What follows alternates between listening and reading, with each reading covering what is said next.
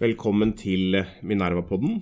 Mitt navn er Nils Gusten Andresen. Med meg i studio har jeg Terje Tvedt. Du er forfatter av boken 'Det internasjonale gjennombruddet'. Og det er blitt en av Norges mest debatterte debattbøker siste halvåret. Det er litt oppsiktsvekkende, fordi dette er en diskursanalyse i stor grad av norsk eh, utenrikspolitikk og, og innenrikspolitikk. Eh, Det er noe man kanskje ikke hadde trodd skulle bli en eh, bestselger og en eh, omdiskutert bok. Hva, hva er det som har skjedd, og hva er det du har forsøkt å gjøre? Terje? Jo, takk for invitasjonen, for det første. Nei, altså Jeg har to kommentarer først til det du sier. For det første mener jeg at det ikke er en debattbok, selv om det forsøkes å bli framstilt sånn. Det er tvert imot et forsøk på å beskrive dette landets historie i et langt tidsperspektiv. På en måte som eh, mange kjenner seg igjen i, men på en måte som også selvsagt mange er veldig skeptiske til. Det er det ene, altså at det er ikke en debattbok etter min mening, og det kommer jeg til å komme tilbake til, tipper jeg. Um, og mottagelsen, den har vært uh, merkelig. Det er jeg helt enig. Eh, Ja, hva, hva legger du i det? nei, altså den har vært voldsom. Mm. Ehm, en helt annen reaksjon enn det jeg hadde forventa. Ja, hva hadde du forventet? Det er jo Nei, altså, jeg, altså nå har jeg skrevet en del om dette tidligere, ikke sant. Mm. Den er basert på Jeg skrev om en bok som het 'Bilder av de andre' på 1990-tallet, som handlet om utviklingshjelp og hvordan Norge forestilte seg resten av verden i det utviklingshjelpsperspektivet som da ble dominerende. Og så skrev jeg en bok som het 'Verdensbilder og selvbilder' på begynnelsen av 2000-tallet, som handlet om norske intellektuelle og ideen om Norge som humanitær stormakt.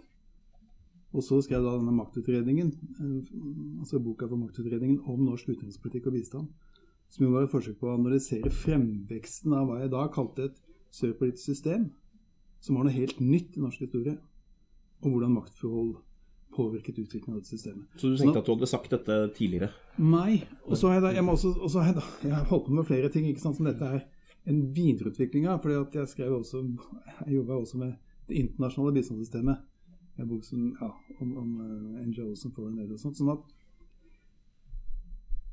denne boka er, jeg visste selvsagt at det var kontroversiell, men denne boka er altså basert på all den innsikten som jeg da håper jeg har meg gjennom, skaffet meg gjennom det arbeidet. Men problemstillingen er en helt annen. Problemstillingen dreier seg Det er ikke en diskursanalyse, etter min mening. Selvsagt er det diskursanalytiske elementer. Men det er også en, et forsøk på å beskrive hva var det som skjedde i Norge i den perioden som jeg fokuserer, altså fra 1960-tallet til i dag. Og da sammenligner jeg det med jeg kan ha nær sagt vikingtida, mellomalderen, dansketida, og ikke minst nasjonale gjennombruddet på 1800-tallet. Altså, hva var det spesielle i akkurat denne perioden her? Og da mener jeg at det som trer fram, det er altså at for det første så debuterte Norge som stat på den globale arena. Selvsagt hadde Norge drevet misjon, selvsagt hadde skipsfarten vært veldig aktiv rundt om hele verden. Men på det tidspunktet da nesten alle andre vesteuropeiske stater deltok i det koloniale kappløpet om verden, så så Norge utenfor. Med bistandsepoken så trådde så også Norge inn i dette internasjonale systemet for utvikling eller forandring av den ikke-europeiske verden. Det er det nye. Og det som da samtidig skjedde, var at den norske staten var veldig, veldig heldig, eller var, hadde et veldig vellykket prosjekt med å mobilisere hele den norske staten bak, bak denne politikken. For at i, Til forskjell fra veldig mange andre land så ble bistand i Norge et nasjonalt prosjekt. Ikke bare fikk de disse nasjonale ritualene som jeg snakket om, som TV-aksjon og Operasjon Dagsverk, som jo er kombinert sett ganske nasjonalt enestående. Men hele organisasjonslivet ble med. Hele forskningssamfunnet ble med, så å si. Universitetene fikk avtale med Utenriksdepartementet. Det ene forskningsinstituttet etter det andre oppsto. Alt dreide seg om råd til norsk Ikke sant? Sånn at denne, denne Altså det som skjedde da Norge som stat lanserte dette prosjektet, og den norske statsledelsen gikk inn for dette prosjektet, så ble Norge som land endret. Vi, vi skal tilbake til uh, denne mobiliseringen, som du kaller det. Men uh, boken har tre deler. Dette er del én. Si kort bare hva de andre delene er. ja, den, det, er den, det, er den, ene delen. Og, og, den andre delen er altså at i samme perioden så kom folk fra de samme områdene av verden til Norge. Altså du fikk en immigrasjon til Norge som var radikalt forskjellig, det er det som er et poeng, fra tidligere tiders immigrasjon. Og i det er boka, representerer boka en kritikk, kan du si, av dominerende tolkning av denne immigrasjonen innenfor en del fagmiljøer. At man sa det er business as usual. Det har alltid vært immigrasjon til Norge. Ja, det har alltid vært immigrasjon til Norge. Sveitsere kom, tyskere kom, engelskmenn kom. Spilte en veldig veldig viktig rolle i utviklingen av norsk industri på 1800-tallet. Men dette er en helt, helt annen type immigrasjon, og den skjedde veldig, veldig fort. Til et av de landene i verden som egentlig da hadde vært et av de mest homogene. Sånn at her fikk du da, altså på den ene siden Norge debuterte internasjonalt og den globale arena, og samtidig kom det folk fra de samme områdene til Norge og endret Norges befolkningsstruktur for godt på veldig mange områder. Og dette er ikke noe negativt, dette er ikke noe fremmedfiende, dette er ikke noe Det er rett og slett bare en beskrivelse av at Norge i perioden fra 1995 til 2016 f.eks. økte befolkningen sin tre ganger så mye tre ganger så mye relativt sett som Danmark. Mm. Dobbelt så mye relativt sett som Sverige. Og da snakker vi om endringsprosesser som må kunne reflekteres også i historiske studier, og ikke minst i periodebetegnelse. Og det er jo det dette internasjonale gjennombruddet termen er. Det er en periodebetegnelse. Mm. For du, du, nevnte det, det er ikke alle som har det klart, kanskje, men, men det, du kontrasterer det jo særlig til det nasjonale gjennombruddet. og du som eh, blir sin foregående perioden fra 1814 eh, egentlig og frem til 1960. Og du skriver litt kontrast til, Jens Arup Seip. Som, de som har lytterne som ikke kjenner Seip, får google Seip på egen hånd. og det er jo en viktig kontrast som vi kommer tilbake til. Helt kort bare om siste del av boken. Og Den siste delen av boken dreier seg da om at det var helt naturlig at i kjølvannet av disse to store strukturelle endringsprosessene i den norske statens situasjon, så oppstod det også nye politiske lite. Som var knyttet opp til håndteringen og lederskapet av denne internasjonaliseringen. Og Det førte til at jeg sier at iallfall implisitt at partier er selvsagt veldig veldig viktig fortsatt. Men hvis man bare fokuserer på partier, så mister man fremveksten av dette helt nye politiske sjiktet som påvirker alle partier. SV er blitt grunnleggende forandret pga. Eh, hvor sterkt det humanitærpolitiske komplekset står inne på SV.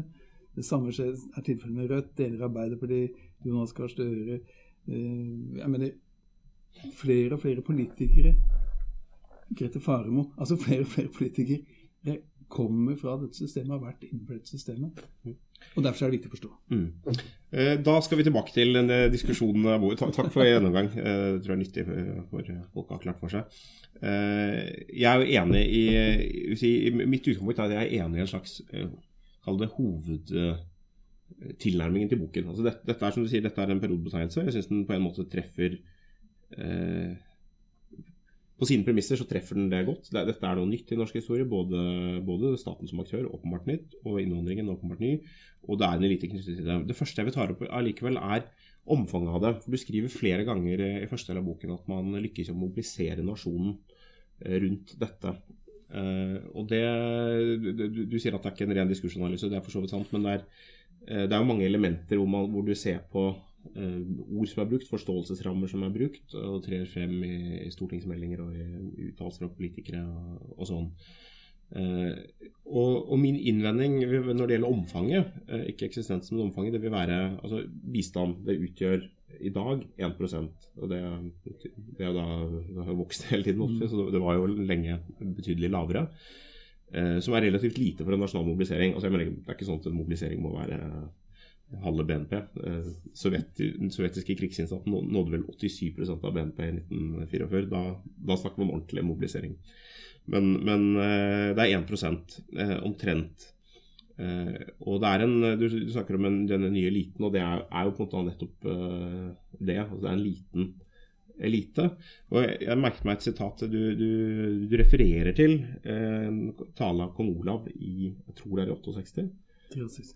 Mm. 63, Er det så tidlig? Ja. eh, I alle fall så, så hvor, hvor du sier at han både slutter, slutter opp om dette og viser at det er et nasjonalt prosjekt. Men han, hvis man går til fotnoten, så ser man at han er relativt beskjeden og sier eh, mange vil jo si at dette, vi er for små, det kommer ikke til å nytte, og vi kommer nok til å få mange skuffelser.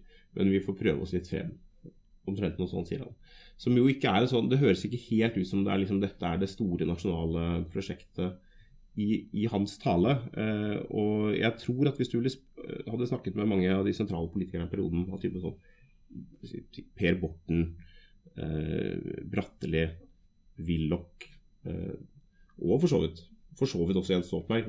Det blir nok litt tydeligere når man kommer sånn ut på 90-tallet, dette eh, omfanget av komplekset. Men i hvert fall eh, en del av disse sentralpolitikerne, Erna Solberg Hvis du spør dem hva, hva er det dere mobiliserer nasjonen rundt, så ville ingen ha sagt bistand. Så det er en sånn det er en biting. eh, Det er viktig i kultureliten eh, og i dette humanitærpolitiske komplekset.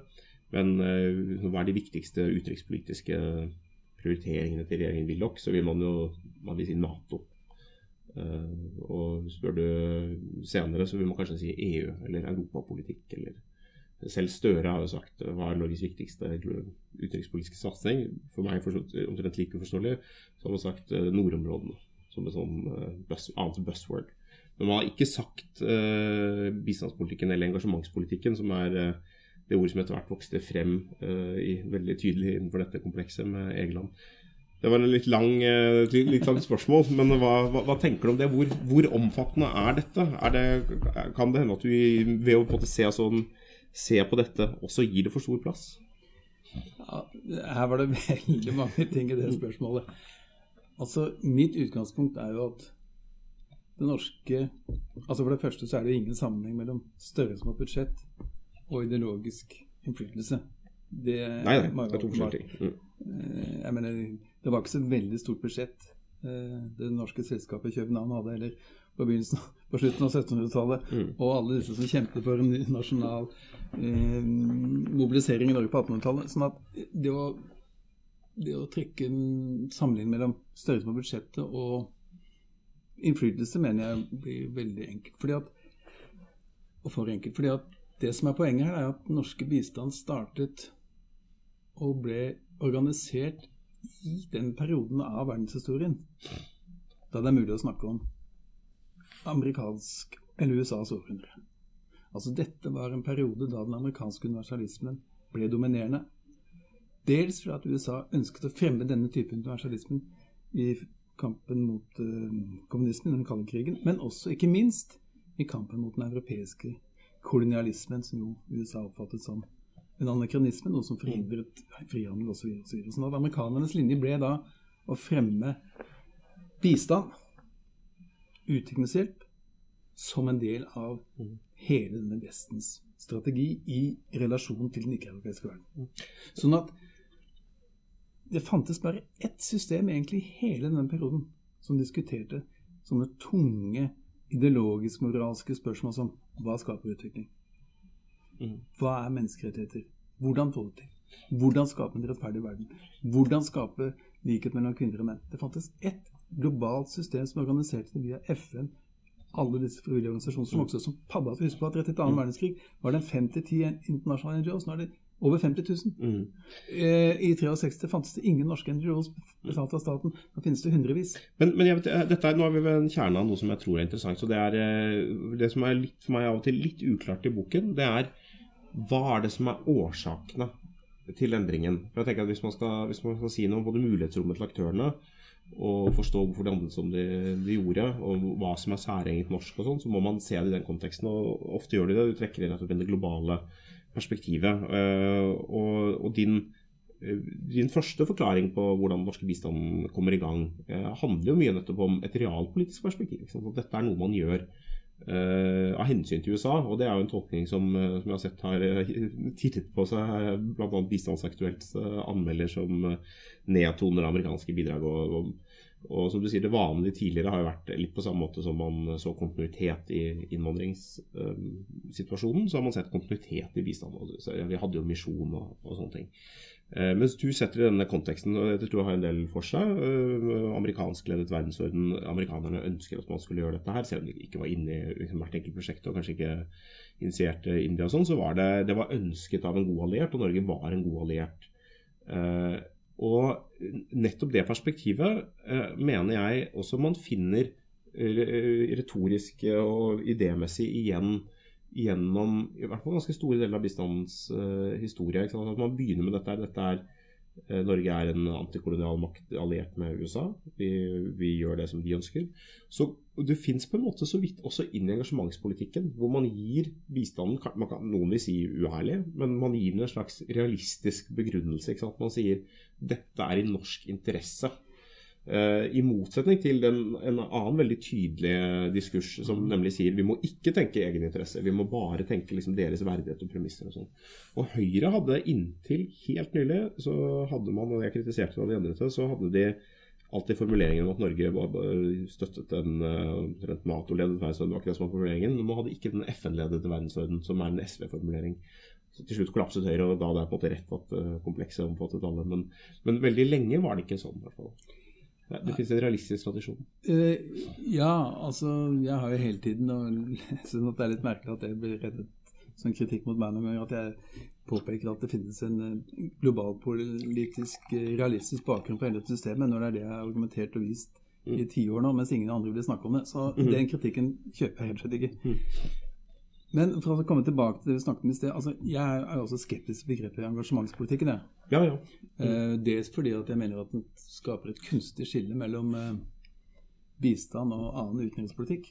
Og det blir jo mer og mer anakronistisk, gitt at vi vet at Nato jo i større og større grad bruker nettopp bistandsargument, og også eller humanitær intervensjonsargument for sin mm. utenrikspolitikk. sånn at forskjellen mellom den tradisjonelle bistand kan du si, og den mer sånn realorienterte utenrikspolitikken har på område til område blitt mindre og mindre. ikke sant? Og alle husker jo George Bush og denne gruppens, amerikanske gruppens begrunnelse for å gå inn i Irak osv., som jo var for så å si redde Irak, var jo det de sa. Ja, i hvert fall etterkant. ja, mm. men altså mm. Jeg mener at hele den distinksjonen er uhensiktsmessig. Det er dogme rett og slett, som er overtatt fra amerikanske utenrikspolitiske studier fra annen verdenskrig. Men er det ikke at det var en realpolitisk begrunnelse i denne bistanden i det politiske man, Norge? Hvis man mener at det er en realpolitisk begrunnelse at man gjør det USA ønsker, ønsker at det skal gjøre, så var det en realpolitisk ja, altså Hvis begrunnelsen er vi ønsker støtte fra vår alliert i, mot Nettopp. vår grense mot Russland. Nettopp. Og jeg mener, Dette er jo ikke en, en, en tese da at bistandssystemet var noe som ble etablert av amerikanerne, og at man må forstå det som et brudd snarere som en kontinuitet, gitt at det samme skjedde i alle europeiske land nesten samtidig, altså nesten samme år, bortsett fra mm. Norge var litt tidligere. da. Mm. Men jeg mener, Norge fikk etablert norsk utviklingshjelp omtrent akkurat samme år som Sverige fikk det, som Danmark fikk det, som Finland fikk det, som Canada fikk det. Man kan ikke da si at dette kom av norsk misjon. Mm. Det kom pga. amerikanske politiske initiativer. Det samme gjaldt støtten til frivillige organisasjoner. Det var ikke det samsvarte med norsk misjonstradisjon. Mm. Det samsvarte med norsk sosialdemokratisk minoritetstradisjon. Men Norge ga de første frivillige organisasjonene støtte nøyaktig samme år. Mm som Sverige og Danmark. Ja, det er jo enig at det er overbevisende argumenter så, så, for det. Det er en sånn tendens til å se nasjonal unikhet eh, overalt. Sånn at man, er, man, må bryte ut av dette nasjonal, litt sånn snevre nasjonale perspektivet for å forstå nasjonal politikk. Mm. Eh, det, det, forklarer ofte akkurat hvordan det skjer, men ikke at det skjer. Og forutsetningene for at det kunne skje. Og jeg mener Når man bruker det som et argument mot at USA ikke var mer involvert seg i India og sånt, for det første vet man ikke det. Mm. Man kan jo tenke seg at det var veldig strategisk lurt at man nettopp gikk til India, gitt at dette var på grensen til Kina, som akkurat hadde gjennomført den kinesiske revolusjonen, sosialistisk revolusjon, antiamerikansk var det. Hvorfor skulle ikke amerikanerne si det var veldig veldig fint at dette lille Norge drev med bistand i India? Altså, Dette vet vi ikke. Mm. Men amerikanerne var ikke interessert i sånne nitty-gritty ting. ikke sant? De, mm. var, de hadde en strategi som var veldig, veldig gjennomtenkt. Og såpass mye har jeg lest om amerikansk utenrikspolitikk på den tiden at det er bare grunn til å være uhyre imponert over mye av det de da holdt på med når det gjaldt strategisk tenkning. Mm. De ga jo bl.a. penger til Minerva på 60-tallet, så det, ja, nei, det, det, var meget det, klokt. Det er det endelige endelig argumentet. Kjartan Fløgstad trekker alltid frem det som CIAs tentakler i Norge. Men Eh, jeg vil tilbake til, eh, eh, til denne, dette som preger tenkningen om bistand. Så det er liksom bare ett paradigme man jobber innenfor i, i stor grad. Du har en diskusjon om den kommunistiske utviklingstanken, men den vi, kan vi holde litt utenfor her, selv om det er spennende. Men denne universalistiske eh, tråden som går gjennom bistanden, altså at dette er USAs århundre, og det er Vestens århundre på mange måter. Eh, det blir tydeligere kanskje utover århundret, men at vi har denne optimistiske utviklingstanken. Nå skal resten av verden utvikles sånn som vi har blitt utviklet. Man forestiller seg historiske eh, faser som alle skal gjennom, økonomiske faser. Um, og, du skriver mye om både hvordan dette preger norske politikere. At de tror at både verdiene og de økonomiske rammene er universelle. i en forstand. Eh, og det, Noen steder så, så, finner du sitater som gir eh, overbevisende belegg for det. Mens andre steder så lurer jeg litt. Altså, hvor det er en eh, og Jeg tror nok at ulike aktører har hatt ulikt syn på dette. Altså, dette har ikke vært uomstridt.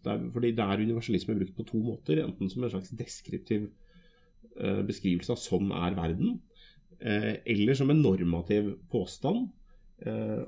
Og en tredje variant, som jeg tror er ganske vanlig basert på politikere jeg har snakket med, er en mer sånn strategisk variant. Man tror ikke at det er sånn. Eh, man vil kanskje ikke Man tror ikke det er realistisk at det skal bli sånn heller.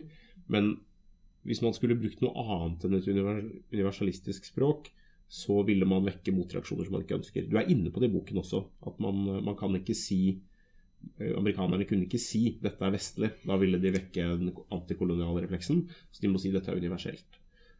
Eh, samtidig så er det jo eh, mange eliter i fremvoksende land, eh, frigjorte kolonier og sånn, som jo også overtar en del av disse forestillingene. Eller har, har eller overtar, hvordan man vil se det.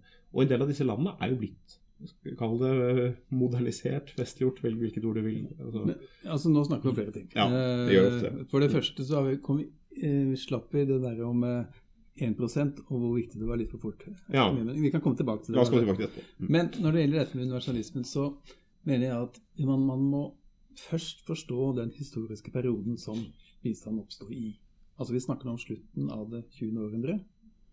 Etter kolonialismens sammenbrudd.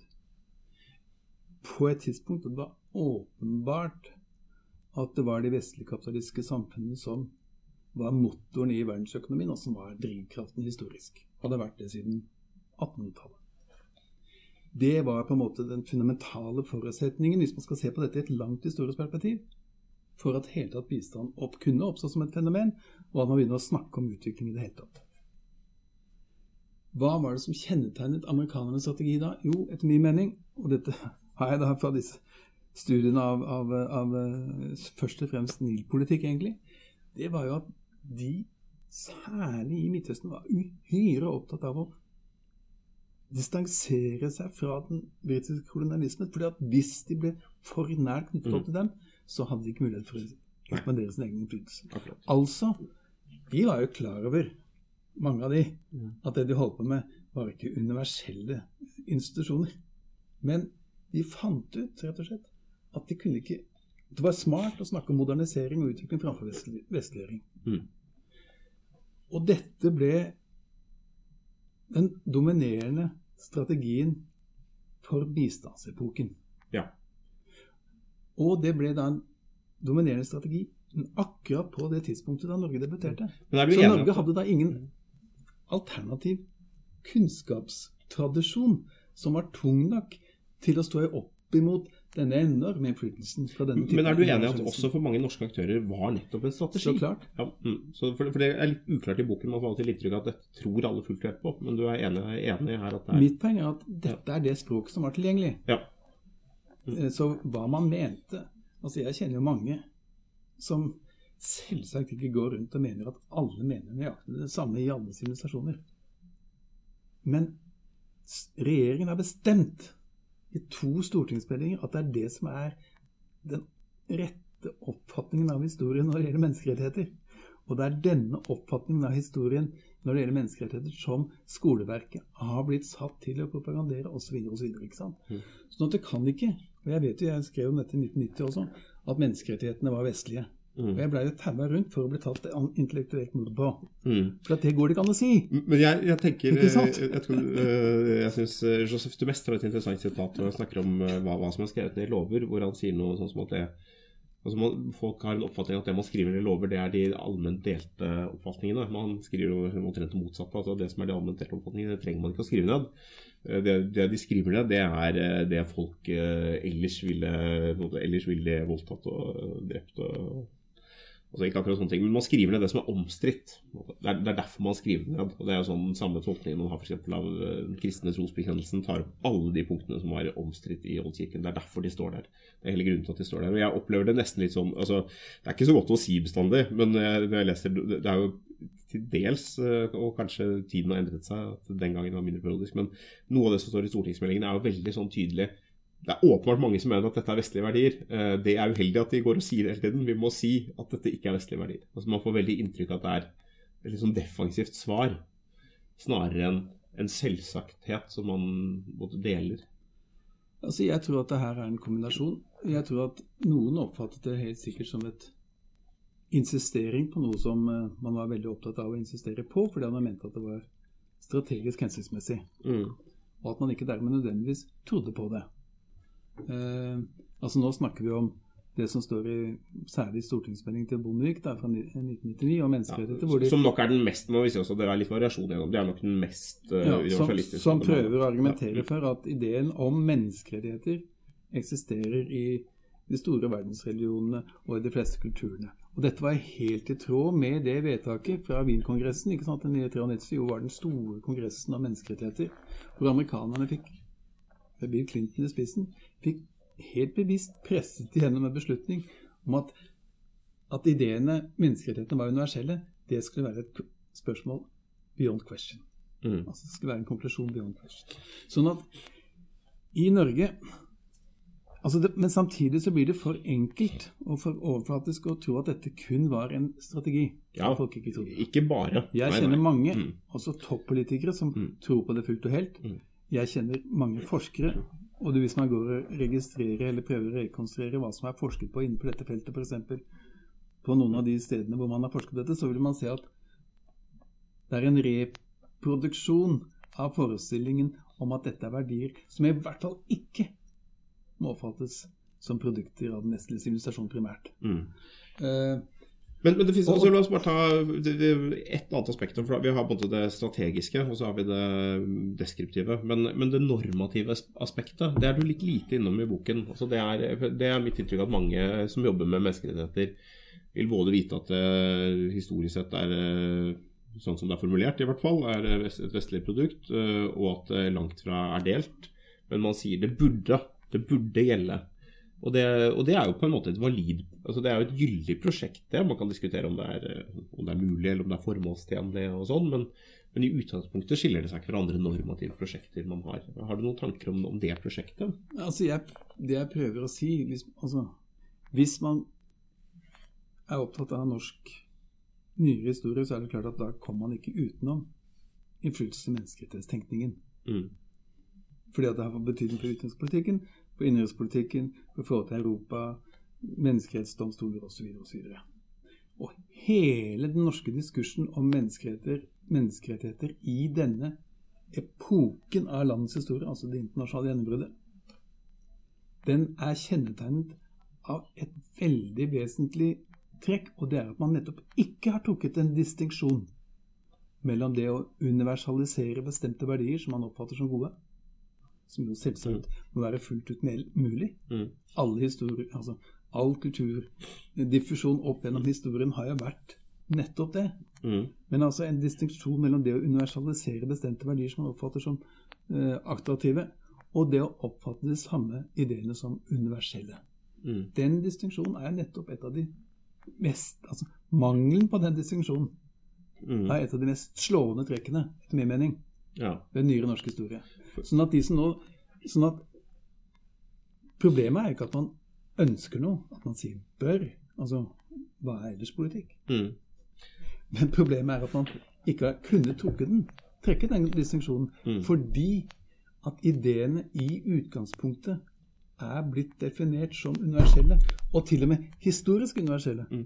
Jeg, jeg, tror det jeg opplever her altså jeg tror det, du, Man finner nok helt sikkert uh, betydelige akademiske miljøer og kanskje en del politiske miljøer, ikke minst innenfor dette human, humanitærpolitiske komplekset, uh, hvor dette er uh, veldig tydelige oppfatninger og veldig manglende distinksjoner. Men jeg tror hvis du, hvis du, snakker med veldig mange ledende norske jurister, f.eks., ikke menneskerettighetsjurister først og fremst, men Altså type regjeringsadvokaten, Svein Ole Fagernes, Fredrik Seierstedt. Absolutt. Så, så vil, og det, og det jeg, tenker, jeg, tror kanskje at det, hva, hva man, for, for, når jeg leser det, så tenker jeg sånn Nei, men dette er det jo mange tunge samfunnsaktører og akademikere som har advart mot å virkelig ikke snakke sånn. Men, men de tilhører på en litt annen sfære av offentligheten, kanskje? De tilhører en annen sfære av offentligheten. Det er klart at alle er ikke enige, dette, enige i dette. Men det er jo også derfor jeg snakker om dette humanitærpolitiske komplekset. For at dette humanitærpolitiske komplekset og deres fortolkning av menneskerettighetene er den fortolkningen som har blitt så å si dominerende i offentligheten, så finnes det folk der ute som selvsagt kjenner til Edmund Burke hadde nær sagt, og hans kritikk av denne formen for tenkning om eh, naturlige rettigheter. Det finnes folk der ute som har kjennskap til historien, som jo vet at det når menneskerettigheter oppsto mer eller mindre tilfeldig, kan man si, i Europa på et bestemt tidspunkt. Og det var jo på ingen måte skrevet til stjernene at disse ideene skulle seire heller ikke Europa. Uh, og folk vet selvsagt at selv om det finnes ideer om rettferdighet innenfor buddhismen, innenfor islam, innenfor den kinesiske tradisjonen, så innebærer jo ikke det at de hadde utviklet ideen om individets like rettigheter overfor staten, som er en helt spesifikk forestilling om hva som er den ideelle samfunnsform, ikke sant? og hva som er den ideelle relasjonen mellom eh, samfunnets medlemmer og staten. Sånn at ja, det finnes mange folk der ute, vil jeg tro, eller i hvert fall en god del. Men jeg har også vært opptatt av hvordan har den norske offentligheten, og, derom, og først og fremst hvordan har den norske regjeringen mm. og Stortinget tenkt og argumentert omkring disse tingene. Så kan man da si at ja, men det er bare stortingsmeldinger. Eller man kan si ja, men det er bare strategiske dokumenter. Men hva Nei, altså jeg, jeg, tror, jeg tror, nesten argumentet heller vil være uh, at uh, det, det fins mange stortingsmeldinger på ulike felt. og jeg tror Hvis du ser på stortingsmeldingene som går på utviklingspolitikk, så ser man dette ganske tydelig. Hvis du f.eks.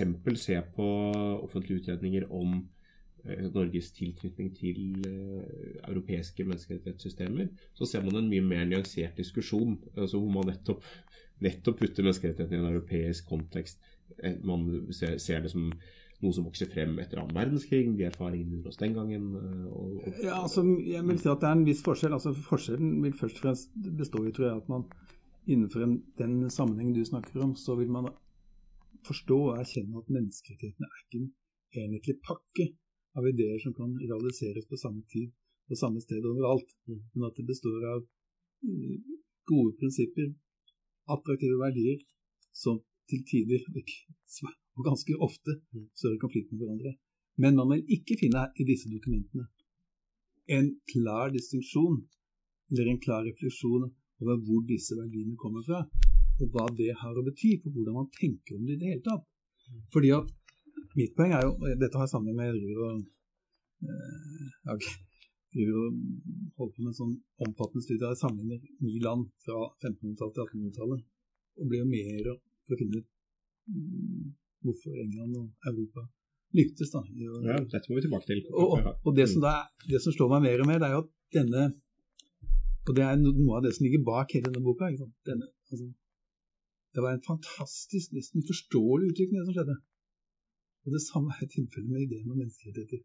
Det er ikke Det er, det er sårbare mm. sårbare ideer, her. Da må vi skjønne hvor de kommer fra. Da må vi skjønne hvor de kommer fra. Nå skal jeg minne leserne om Vi skal tilbake til dette med hvor viktig er det at det bare er 1% Men uh, før vi gjør det, så går vi litt videre på dette med uh, en annen side av universalisme. Ideen om fremskritt, hvis vi holder menneskerettighetene ved siden av, men altså ideen om fremskrittsøkonomisk utvikling, som du også eh, presenterer som en til dels vestlig idé, og du snakker om sykliske verdensbilder i i Afrika og, og, i andre kulturer ja, og sånn.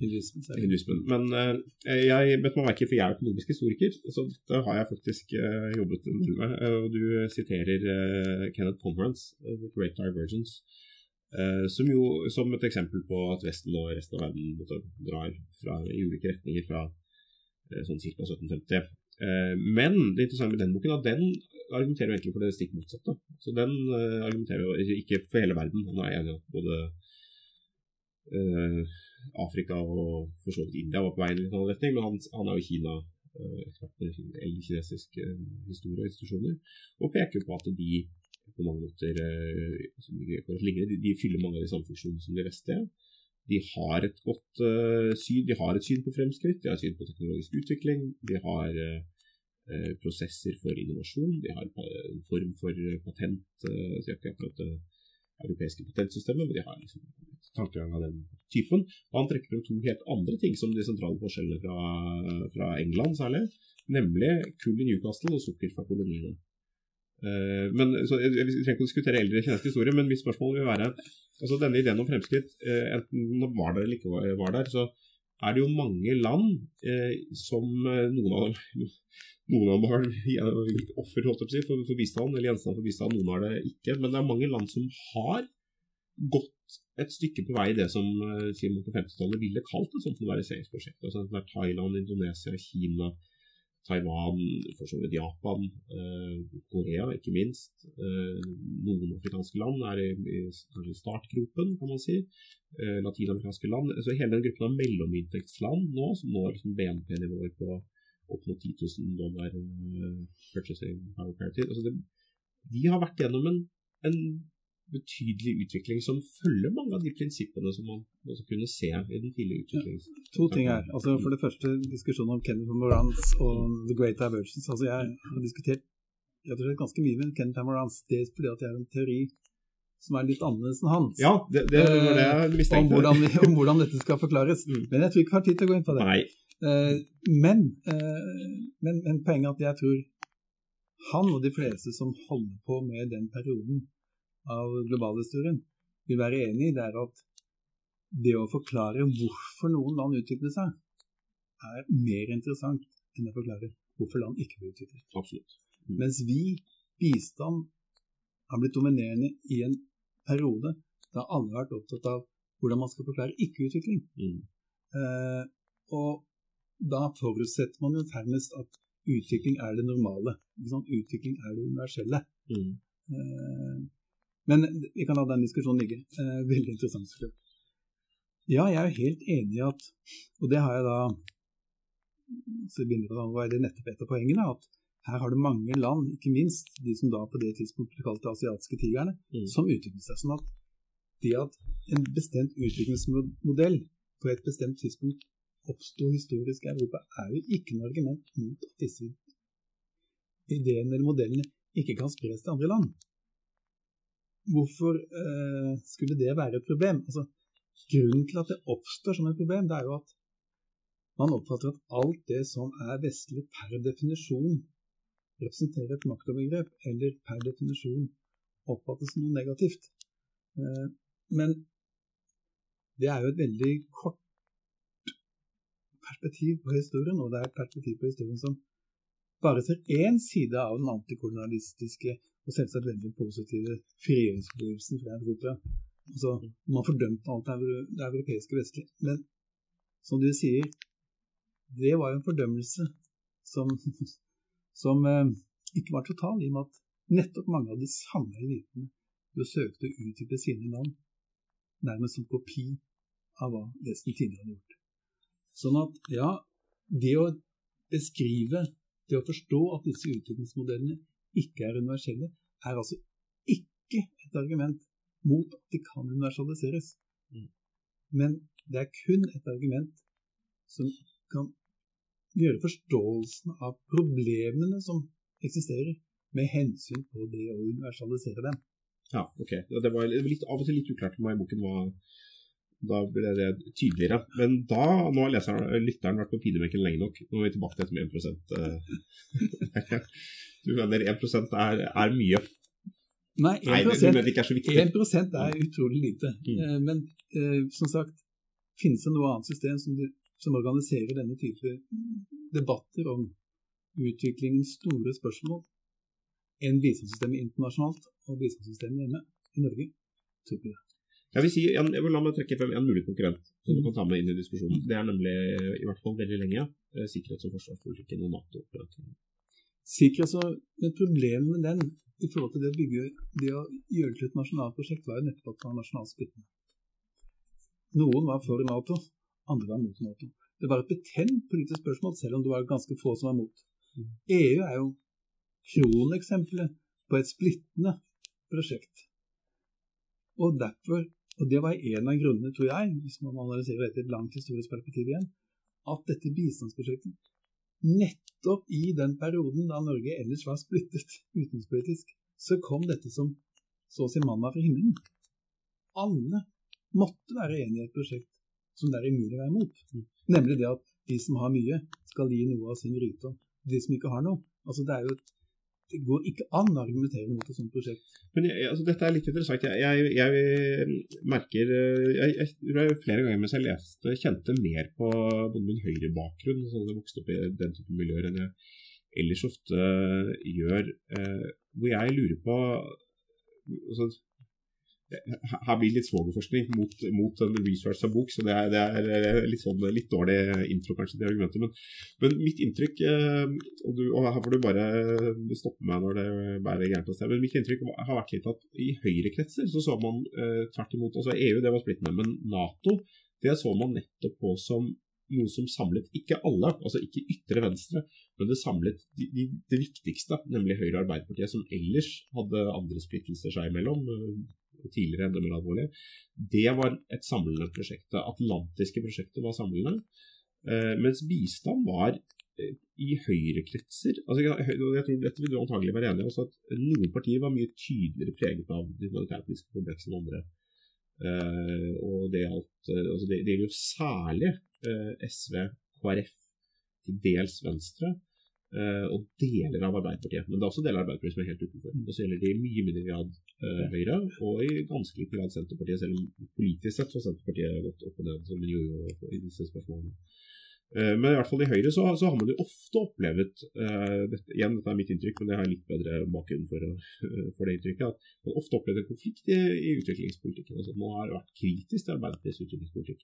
Og jeg merker meg at Du hadde et sitat i boken hvor du trekker fram at Børge Brende sier han er helt enig i alt Erik Solheim har sagt. og Det ble, det ble også utlagt i avisene som brennende støtter opp om SVs utenrikspolitikk. Eh, men det var jo, eh, utsagnet var jo ment nesten mer sånn ment veldig annerledes. Han, han gir ros til Solheim, ikke SV, fordi Solheim har snakket om betydningen av privat næringsliv ja, ja. i motsetning til bistand og, og, den type ting. Så, så, så det, det, I Høyre har man ikke opplevd den, den enigheten som så totalt før. Nei, det tror jeg nok er rett, og det har jo også rett rett tilbake til Handels. Veldig interessante diskusjon om bistand i Stortinget i 52, hvor han jo snakket om frykten for dette fattigdomsherskapet og, og, og advarte mot hva ville konsekvensen av dette bli i det lange løp for nordmenns syn på verden. Mm. Når India var en gammel sivilisasjon med masse rike mennesker, og så skulle Norge plutselig begynne å oppfatte det som et sted hvor det bare var fattigdom. Så han var jo skeptisk til noe av dette. Mm. Så det tror jeg du har rett Men poenget er at det som er forskjellen her, er at det var umulig å tenke altså, For det første, så Det med bistand, det er jo Det viste seg jo at det var mulig hvert eneste år å mobilisere 100 000 bøssebærere til dette prosjektet gjennom NRKs TV-innsamling. Du kunne ikke tenke deg noe tilsvarende ved Nato. Nei, dessverre. Eh, de hadde Operasjon Dagsverk. Man kunne ikke tenke seg at skoleelever gjennom 60-tallet, med den sterke anti-Nato-bevegelsen da var, skulle organisere en dagsarbeid til Nato. Men til hjelp det fattige i verden? Ja. Eh, sånn at, og jo rikere Norge ble, og jo mer ubehagelig mange syntes at denne rikdommen var, mm. så ble jo også bistand så klart et veldig viktig alternativ identitetsproduserende aktivitet, kan man si. Og da Norge endelig da formulerte denne parolen om at man skal bli en humanitær stormakt, og nærmest en verdensmester i bistand, så var jo det en, en, en, en, politikk som ikke minst på det identitetspolitiske området Altså hvis man tenker sånn at globalisering vil fremtvinge reformulering av nasjonale identiteter i de aller fleste land, så var dette den måten som Norge på det tidspunktet reformulerte den på, og antakeligvis mest effektivt kunne reformulere meg på, nemlig vi er med og gjør noe viktig i verden, Mm. mens oljeformuen bare vokser. Og da er vi på slutten av 90-tallet. Ja, begynnelsen av Begynnelsen av 90-tallet. 94-95. Og det er, eh, men det er interessant, for her er vi eh, over på en litt, litt annen periodebeskrivelse, som jeg tror, eh, hvis, hvis jeg skulle karakterisert denne perioden, så, så tror jeg altså Det er jo noen tidlige eh, forløpere altså, Det er jo en utvikling hele veien. Bistand ut tidlig på 60-tallet osv. Men eh, denne ideen om Norge som en humanitær stormakt, og, og denne funksjonen nettopp som noe med å organisere politikk rundt, eh, mener jeg at man egentlig eh, ordentlig kan snakke om, hvis man kan snakke om det, et litt langt tiår omtrent fra 1993. Hvor Norge, og Det skyldes bl.a. oljepengene. ikke sant? At vi er blitt, eh, I 1962 så er vi tross alt ikke verdens rikeste land. eh, og Så blir vi, finner vi olje, og så blir vi rikere, men først så er det en del investeringer og utgifter. Eh, og Så kom oljeprisfallet i eh, desember 85, og boligkrakket og arbeidsløshet. Og vi har nok med helt andre typer problemstillinger. Så kommer vi ut av den resesjonen, samtidig som resten av Europa er på vei inn i en resesjon. Muren har falt. uh, The unipolar moment. USA er der. Norge plutselig, 1993-1994, ute av resesjonen. Verdens rikeste land. OL på Lillehammer. Den kalde krigen er slutt. Uh, Inge- Norge lager fred i Midtøsten. Og plutselig så har vi denne selvforståelsen. Uh, ikke helt plutselig, selvfølgelig, men, men da, da springer den ut i blomst. Og så varer den til eh, et stykke etter krigen eh, mot terror begynner, og invasjonen av Irak går eh, fryktelig galt. Eh, Og så begynner den å, å, å dabbe litt. Eh, Først gradvis, og så eh, de siste par årene litt mer plutselig. Men altså er, jeg, sånn som jeg tenker det, så er det en 15-20-årsperiode kanskje, hvor dette er tydeligere sånn som du har beskrevet det. Mens det før og etter er litt mindre tydelig. Ja, altså Igjen så kommer det an på hvor langt tidsperspektiv du anvender her, egentlig. fordi at jeg vil jo si at eh, Selvsagt, med lanseringen av perioden om at Norge skulle være en humanitær sone, så skjer det et brudd. Men samtidig så var jo det en videreutvikling av en politikk som Norge hadde stått lenge. ikke sant? Vi ser det i Sørlige Afrika, i Sudan, Afrikas Horn, Eritrea, Etiopia osv. Sånn at Ja, det var ikke så viktig for selvforståelsen for den jevne det nordmann. spilte ikke så viktig rolle for selvforståelsen, jeg enig. Eh, og det var mange geopolitiske og også nasjonaløkonomiske grunner til at dette var mulig, og jeg tror som sagt ikke minst EU-avstemningen var veldig, veldig viktig. At dette kom som en slags eh, erstatning eh, for eh, det helt uavklarte forholdet til våre naboer. Mm. Det er mye bedre å ha et avklart forhold til våre ikke-naboer. Mm. Uh, ikke minst da som en kompensasjon for at det sto utenfor det europeiske fellesskapet, så ledet vi så å si verden i marsjen mot fred. Ja. Sånn at uh, Annerledeslandet på mange måter. Ja, nettopp dette var en variant av annerledeslandet. Mm. Sånn at uh, men, men når det gjelder Det er klart at når du skal skrive en historie om et land, så kan du ha utrolig mange ulike perspektiver. Og ett mulig perspektiv er jo å beskrive dette som oljealder. Mm. Men, at, men hvis man tenker et langt historisk perspektiv igjen, så, og særlig da en person som meg, som er opptatt av mannens betydning i historien, så vil jeg oppfatte, oppfatte oljealderen som en parentes. Det er vel mer av det samme. De samme områdene av, Norge utviklet seg stort sett. Brukte mye av den gamle teknologien utviklet innenfor vannkraftindustrien med hjelp av amerikanerne denne gangen, ikke av engelskmennene som på 1800-tallet. Eh, så det var sånn at oljeindustrien skapte ikke en grunnleggende endring av samfunnsstrukturen. Fra at Sverige utviklet seg, Mm. Danmark utviklet seg. Men det som derimot skapte en endring av samfunnsstrukturen, det var jo generasjon. Mm. Og det var det faktum at den norske staten mobiliserte store deler av samfunnet til å være med på sitt prosjekt for å endre verden. Og hvorfor det, er det viktig? Jo, fordi at det begynner til å endre oss. Mm. Altså Det begynner til å endre nordmenn, det begynner til å endre hele den institusjonelle arkitekturen i dette samfunnet når det gjaldt hvordan forskningsinstitutter og forskningsinstitusjoner skulle forholde seg til statsmakten, f.eks. På dette feltet så ble det jo normal forskning. At man skulle forske på det som var relevant for den utenrikspolitiske ledelsen. Mm. Det var et, det var et kronargument som de ledende politikerne hadde for at Norge kunne bli en humanitær stormakt. Mm. Det var at forskningen var integrert i statens politikk. Mm. Og det er noe nytt. Ikke sant? Man kan ikke si det samme på veldig mange andre sektorer. Man flagget så å si ikke forskningen som en del av politikken, eller forskningen som politikkens fortsettelse var andre på samme måten. Mm. Det er sant. Jeg jobbet på NUPI, og det var jo tydelig, tydelig der. Eh, kanskje tydeligere mange andre steder. Eh, Da begynner tiden å løpe. Jeg vil litt inn på, på innvandring, siden du tok det opp eh, nå, noe som endrer, endrer staten. Altså der, der gir du jo en Også for så vidt ikke akkurat en du- altså, det begynner ikke som, og du beskriver det ikke som, at det er en mentalitetsendring som fører til innvandringen. Innvandringen skjer litt tilfeldig, og så baller den litt på seg. Man gjør for så vidt noen forsøk på å begrense det litt, eh, uten noe særlig hell. Og, og så kommer det uforutsette situasjoner med asyl som man ikke egentlig hadde tenkt på, og så har vi konvensjoner å forholde oss til. og Egentlig så forsøker ulike politikere å begrense det så godt de kan mange ganger. Uh, innenfor de rammene som de forholder seg til, bl.a. med menneskerettigheter og, og sånn. Um, men jeg vil litt tilbake til, til synet på nasjonen, hvor du viser til noen uh, til stortingsmeldinger som uh, igjen måte ikke vil se på det spesifikt norske som en, uh, som en tydelig uh, gjennomgående ting. Og spesielt kanskje igjen spesielt under Bondevik-regjeringen. Vi har to, to spørsmål der. Og det ene er altså dette, denne manglende viljen til å snakke om nasjonen og nasjon, nasjonal kultur og etnisitet og den type ting.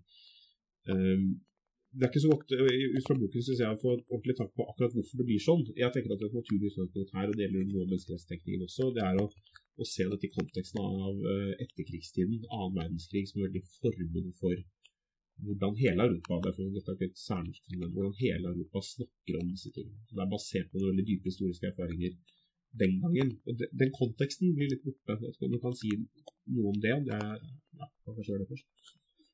Ja, er mulig at den konteksten blir borte. Jeg vet ikke, jeg prøver å si at hele ideen Altså det som eller er litt nytt av det jeg gjør, liksom, det første så prøver jeg å plassere diskusjonen om multikulturalisme i en kontekst hvor jeg beskriver hvor omfattende den faktiske immigrasjonen har vært. Mm. Noe som jo alle bør erkjenne om man er for eller mot immigrasjon. Har vært, immigrasjon har vært vellykket i den forstand at befolkningsveksten har økt veldig, og det stort sett har vært immigranter fra forskjellige land. Ikke bare fra ikke-europeiske områder, først og fremst fra Europa. Uh, og denne multikulturalismen som jeg beskriver, den er jo et import. På samme måte som ideen med menneskerettigheter er en import, ideen om nasjon på 1800-tallet var en import, så er altså dette en import. Mm. Så norske politikere hadde altså her et globalhistorisk fenomen, nemlig migrasjon, og en importert ideologi som de skulle håndtere det med, og ingen erfaring. Altså de skulle takke noe helt nytt. Mm. Det er den unike historiske situasjonen jeg prøver å beskrive.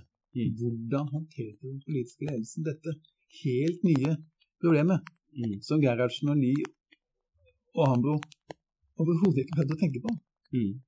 Men, men, igjen så lurer jeg på det er, uh, altså, hvor mye av dette er genuin tro på, en, på, et rammeverk, en forståelsesramme, en, en, ideologi, om du vil, og hvor mye er også strategisk. For igjen så har jeg ofte forestillingen av at når man sier dette så eksplisitt og Dette er ikke norske verdier og norsk kultur, dette er universelle ting. Et sted så står det ja, dette er universelle ting som, som kanskje kan få ekstra betydning i Norge. Jeg tror det er formulering som er brukt i en NOU eller et eller annet sånt som er litt sånn uh, absolutt litt sånn tåkeprat og, og, litt rart. Så får man allikevel et inntrykk av for det første at grunnen til at man skriver dette, er at det er veldig åpenbart fra den offentlige debatt ellers at mange mennesker mener at uh, det er noe som er norsk ja. Men... Og, og det andre er at man får litt inntrykk av at dette sier man fordi ellers er man redd for å støte innvandrerbefolkningen vekk. Hvis du krever at de skal bli norske, så vil de ikke. Hvis du krever at de skal bli demokratiske, så kanskje de blir det. Absolutt. Altså, det, er, det, er, klart at her er det mange overveielser som ligger bak den måten å formulere på. Men jeg mener at det mest fruktbare tilnærmingen til dette, det er å, å se på dette som en oppdragerstats dokument. Mm. Altså, dette er den nye statsbyggingsideologien som er multikulturell. Selvsagt erkjenner man at multikulturalismen ikke eksisterer i hele samfunnet. Det er ikke sikkert at man egentlig heller er enig i det multikulturalistiske samfunnet som mål, egentlig. Mm. Men staten må for å håndtere dette, mener statens ledelse, slå inn på en strategi som innebærer at staten skal være nøytral overfor de ulike eh, gruppene i samfunnet. Og at man skal begynne å snakke om minoritetskultur og majoritetskulturer. At man ikke skal ha noen light-kultur, sånn som i Tyskland. Man ikke skulle snakke om norske verdier, for at de fantes ikke, eller var vanskelig å finne ut, eller det var uhensiktsmessig, eller bare føre til at eh, implisitt at det var diskriminerende osv. Altså, men, men, hovedpoenget er at disse stortingsmeldingene og disse strategiene skulle bidra til hva så å si utdanne mm. og danne den norske befolkningen i denne nye internasjonaliseringsperioden, sånn at man kunne håndtere denne nye kulturelle mangfoldssituasjonen. For internasjonsbygging istedenfor nasjonsbygging.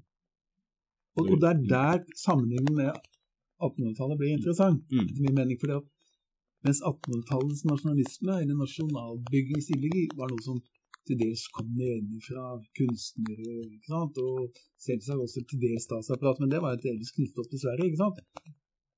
Mens her var det statens ledelse som fra starten av organiserte dette prosjektet, i samarbeid så klart med forskere og med andre miljøer.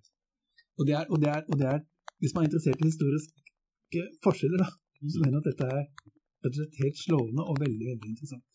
Du, du skriver uh, innledningsvis at uh, for å kunne si noe om en epoke som man, altså, det er vanskelig for aktørene å ta inn over seg strukturer som omgir, omgir dem og sånn.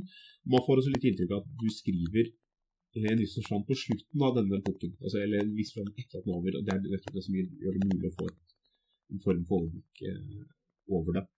Eh, hvis vi nå går bort, litt bort fra analysen eh, og begynner der, at dette, nå, dette skrives på slutten av det internasjonale gjennombruddet, hva, hvor går veien videre? Hva, hva Finnes det noen norsk nasjonsbygging for tiden som kommer?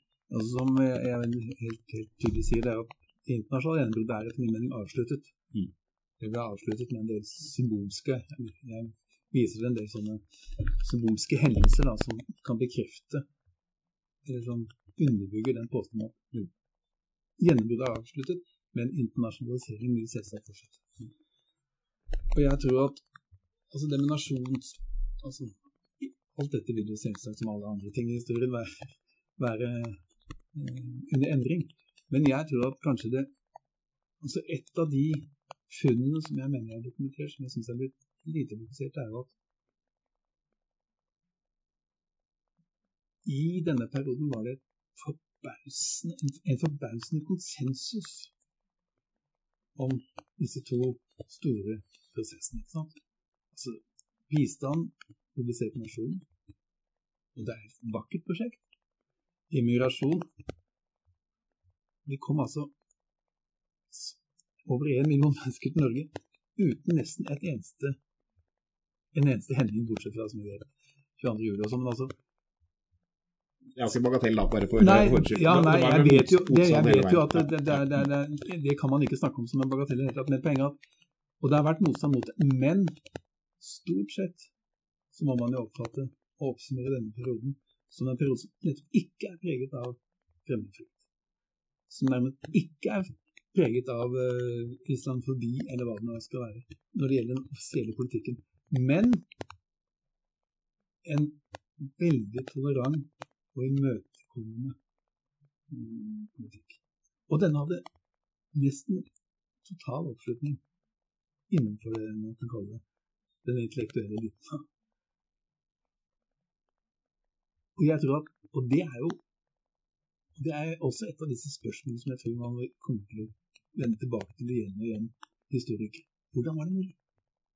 Så Man snakker om Libya, vi snakker om syn på islam og formen islam islamisme. Vi snakker om uh, syn på menneskerettigheter. Veldig sånne fundamentale spørsmål. Mm. Og jeg tror at det er det som nå, hvis det er noe som skjer, så tror jeg at den konsensusen er i ferd med å ryke. Jeg tror at, jeg tror at dere kjenner, dere kjenner sikkert også den artikkelen i Science fra 2011, som gjør sammen med 33 land, var det vel? og konkluderte med at Norge var et av de aller mest konforme landene i verden. Det kan man mene mye rart om, Men jeg tror at slutten av det internasjonale gjennombruddet er en periode hvor nettopp fundamentet for denne konsensusen er i ferd med å bryte. Men er det bra eller dårlig? Jeg tror det er bra, for alle samfunn trenger åpen debatt. Alle samfunn trenger pluralisme. Alle samfunn trenger eh, at nettopp så fundamentale spørsmål blir stilt og blir belyst fra mange forskjellige syns synsvinkler. Og på en seriøs måte. Er Og uten at man blir moralisert vekk eller blir eh, fordømt. definitivt eh, spørsmål må, må diskuteres. Men det er litt interessant når man eh, snakker om eh, sånn nasjonsbygging og nasjonal kultur. Eh, så er det jo Kan man av og til få inntrykk av, og jeg tror det er noe i, at det, det bygger på at det er en, en, nettopp en bred konsensus, eller en bred overlappende konsensus. Man har delt innfallsport til en del spørsmål. Det er det som eh, tydeliggjør eh, en form for samhørighet. Altså, Hvis du tar 1800-tallet, så har man, man krangler som busta fyker om altså enten det er type sånn eh, Werg og Welhaven-strider, eller nynorsk bokmål, eller Vestland, Østland, lavkirkelighet, høykirkelighet, all den type ting. Men det er innenfor en ramme av konsensus om en form for norsk nasjonsbygging. Og politisk sett så ligger det også i norsk historie i all hovedsak en veldig tydelig konsensus om grunnleggende politiske prinsipper, som er på den liberale rettsordenen. Og det, det, jeg tror det frykten noen, eh, sikkert noen av lytterne får når de hører dette, det er altså innebærer det en, en, at man går bort fra en konsensus om, eh, om nettopp den, liberale statsforståelsen. Er det en så grunnleggende uenighet vi kan få ut av dette, eller er det mer bare at vi kan få temaer som ikke er diskutert eh, og analysert åpent, eh, blir nå diskutert og analysert åpent? Faren er jo det første. Jeg tror, altså, nå er jo det utfører sin historikers kompetanse, klart, men, men eh, man kan spekulere likevel. Og faren i Norge er jo altså at hvis man ikke klarer å diskutere alle disse spørsmålene på en seriøs, rolig måte, så vil jo polariseringen bare fortsette her også. Mm. Og det er en av grunnene til at jeg var nødt til å skrive denne boka. og skrive den litt fort, Mm. rett og slett. For at jeg håpte jo at også venstresiden, han sagt den tradisjonelle venstresiden, ville oppfatte denne som interessant og ikke bare være på jakt etter såkalte småpær, mens de da ikke er mens mange ikke ser ut som de er interessert i de store politiske spørsmålene, som jo i hvert fall historisk har vært venstresidens styrke. Mm. Så jeg håpte at på lik linje altså, i tillegg til veldig mange andre initiativ av samme type, å bidra til å skape sånn en dialog, da, kan du si. Mm. Og det, problemet er jo for Norge, mener jeg, at hva skal være rammene og grunnlaget for det nye politiske fellesskapet? Det er det som må defineres. Mm. For at det er blitt et nytt politisk fellesskap når det er over én million, eller Snart en million, snart en million, eh, folk som bor her, som ikke har den politiske tradisjonen. Det må man bare innse som en realitet. Men det, man må jo ha politisk fellesskap. Så hvordan skape det? Støre har forsøkt, som jeg skriver om i boka, å definere den nye store vi. Bondevik forsøkte med verdikommisjon. Begge forsøkene kollapset. Mm. Så det er jo det som er det store spørsmålet. Mm. Hvordan redefinere den rammene og grunnlaget for dette politiske fellesskapet? Det er et spennende spørsmål. Det som du, det, det siste du sa her nå, det er vel eh, Man kunne ønske seg en mindre polariserende mottakelse av, av boken på mange måter. Og de som lytter på, på podkasten, får ta det innover seg. Så får vi håpe at denne podkasten i hvert fall ikke bidrar til ytterligere polarisering, men heller refleksjoner om den perioden vi har gått ut av, og den vi skal gå inn i. Tusen takk for at du kom. Berit. Takk, takk. Minerva-podden.